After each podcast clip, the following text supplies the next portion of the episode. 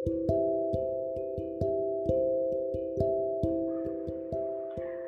semua pasti pernah mengalami hari yang tidak mudah.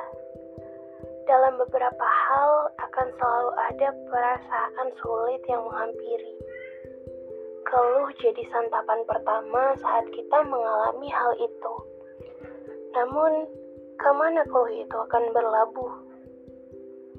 Kebanyakan orang saat ini media sosial menjadi jalan pertama yang dipilih untuk membuang semua keluh yang dirasakan hati. Namun ada juga yang menuliskannya tanpa mempublishnya di media sosial. Jika beruntung, ada orang terdekat yang dipercaya untuk sekedar berbagi menikmati keluh kesah bersama, yang mungkin bisa jadi sama. Daripada menahan diri, sakit sendiri, Jangan sampai stres menjadi depresi, kemudian hilang akal, itu sangatlah tidak baik. Hal yang kadang sulit adalah menerima segala perasaan, menerima apa yang sedang terjadi pada realitas saat ini. Pelarian kembali ke dunia maya yang bisa membuat kita bebas berimajinasi.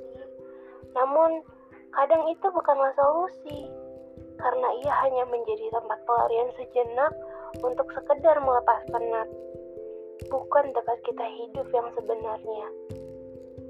Saat itu terjadi, pasti pernah terpikir, kenapa tidak berdoa saja? Bicara kepada Tuhan yang mengatur seluruh semesta dan semua skenario-nya.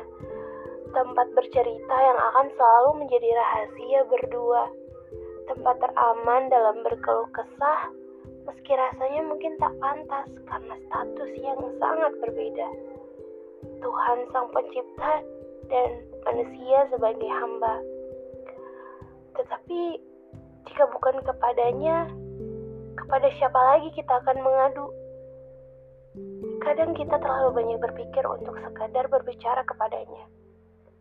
Tidak sesering kepada teman, sahabat, atau kerabat dekat yang mungkin selalu menjadi orang pertama yang mendapatkan kabar, bukan Tuhan.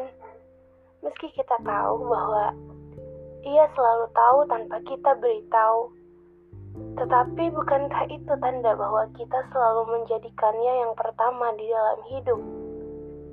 Bukan pilihan terakhir ketika semua orang tak lagi bisa mendengarkan kita.